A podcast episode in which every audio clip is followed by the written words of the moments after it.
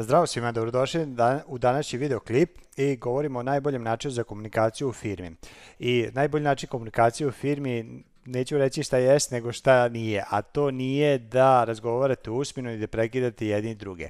I e, 80% problema se u firmi može rešiti e, čim se popravi komunikacija, tako da danas ćete vidjeti jednostavno alat i pokazat ću neke kratke savete kako možete iskoristiti ovaj alat koji konkretno vidite ispred sebe, to je Slack, a da zaista komunikacija vam se podigne na viši nivo, da bude precizna, tačna, ažurna i da više nema skrivanja po čoškovima, kancelarija i tamnim mestima ko je šta rekao, ko šta treba da uradi. Znači, ključ je zaista da sve prebacite da bude pisanim putem i a, definitivno nemojte koristiti mail zato što kada otvorite ujutru mail, pored a, komunikacije sa timom, sigurno imate još 10-20 poruka koje u inboxu koje jednostavno su junk mail i onda ne potrebe to da koristite. Viber isto ne bih vam preporučio da koristite zato što a, on je više za privatne po, potrebe, otkriva se privatni broj telefona, a, dosta nije baš lag za organizaciju, svako, svako vas može dodati a, u grupu i mnogo energija odlazi da se to organizuje, ali jedan alat koji definitivno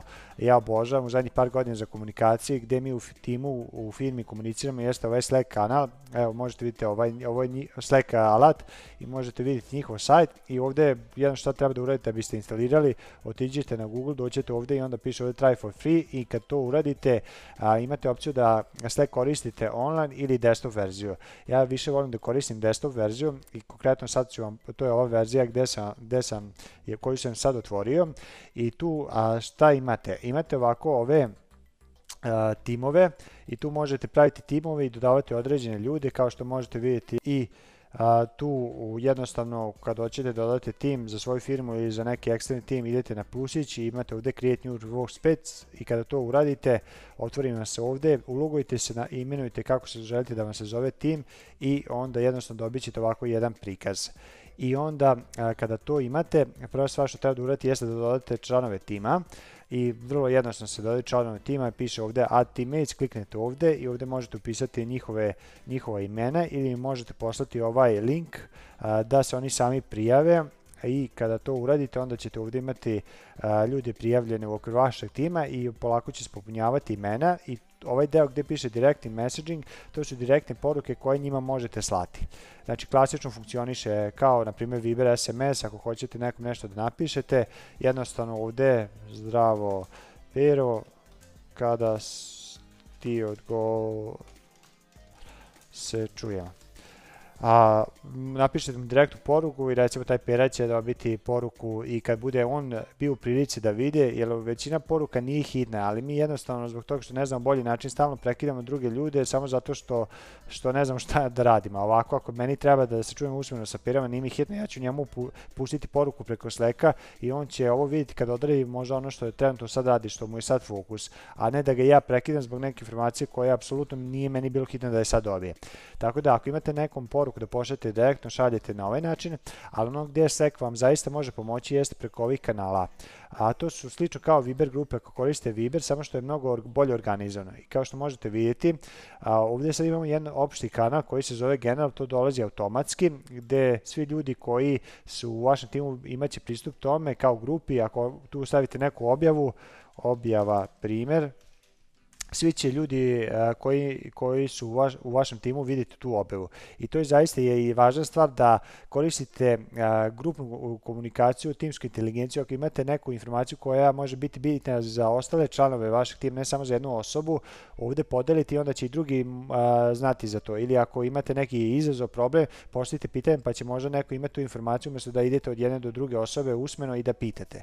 Tako da imate taj kanal i ono što je dobro, vremenom ćete vi, ako počnete ovo da koristite, vidjeti koji kanali, koje teme se izdvajaju kod vas u komunikaciji i e, onda ćete držati te, e, komunikaciju u okviru tih tema, znači da komunikacija ide na ono mesto gdje treba da bude. A, na primjer, a, e, kako to da radite, recimo za početak možete kreirati te kanale, kanali se kreiraju vrlo jednostavno, kliknete ovdje na plusić i onda kažete create channel i onda možete staviti, na primjer, recimo a, prodaja. Možete kreirati kanal prodaje i onda ovdje možete staviti da bude privatan, da li želite eh, da vide svi ili samo određene osobe ili želite da svi vide, onda nećete ništa dirati, možete staviti ovdje kratak opis, sva sva pitanja i komentari u vezi našeg sistema prodaje. Recimo da ljudi imaju otprilike pojem o čemu se taj kanal koristi i kad to kliknete vidite da se kreirao kanal i onda sad trebate da dodate ljude ili možete staviti da se automatski dodaju. Sad ja neću ništa raditi pošto sam ovo radi video, video ovog video snimka kreirao pa nemam nikog da dodajem, ali vidjeli ste kako jednostavno funkcioniše. I onda na primjer ako sva komunikacija nekom poručuje vaš proizvod ili a, imate neko poboljšanje u vezi prodaje, znači nećete staviti ovdje u general uopšte, nego ćete stavljati ovdje u prodaju. Znači a, na primjer, Pero, kada možeš a, poslati predračun firmi X i tako dalje.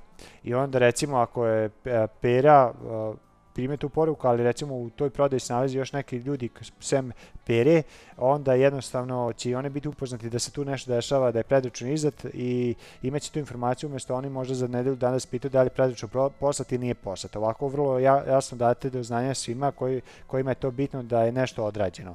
I kažem, važno je da ima pisan trak. A, ovdje ako hoćete da menite imena kanala, imate ovdje prečice, kad stavite kosu crtu, ovdje vam se pojavljuju neke dodaci kako drugačije, e, kako da Slack e, prilagodite sebi i da odradite neke dodatne opcije. Na primjer, možete ovako invite, stavite zvezdicu invite, pa možete ovako dodavati osobe, stavite add znak, pa dodate neku osobu. Imate, imate i razne opcije, ali ako hoćete da promijenite ime, recimo ime ovog kanala, e, ili nekog ste se zeznuli stavili ste danas jedan kanal, pa za mjesec dana vidite da može biti bolji naziv, samo idete na taj kanal, stavite ovdje rename, i onda stavite recimo obaveštenja ili može biti oglasna tabla. To mi recimo imamo za važne informacije, oglas, oglasna tabla. Ok, rename channel, kliknem i vidite kako se promijenio lako o, naziv kanala. A, I onda možete, kažem, napraviti kanale. Moj savjet vam je da a, kanale pravite ili po klijentima ili po nekim segmentima u okviru firme ili možda i po nekim proizvodima i onda da se svu komunikaciju idete preko toga. A, dobro, i šta je još važno recimo?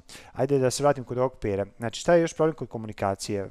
Vi kad nekog nešto pitate da nešto odradi ili kad nekom nešto kažete, vi mislite da ste završili svoj deo posla, ali vi niste prebacili loptu, ako tako mogu da kažem, kod druge osobe, dok ta osoba ne potvrdi to, dok vam ne, ne vrati loptu nazad. A to znači da, ako sam ja e, pira, pitao ovo, Pero, kad možeš poslati predračun firmi na X, znači ja sam poslao tu, bacio sam tu loptu, ali Pera još nije dobio tu loptu. Jer može se desiti, bez obzira i ako je u sleku, da jednostavno možda ima Pera previše posla ili ima previše porukice i ovu porukicu da preskoči.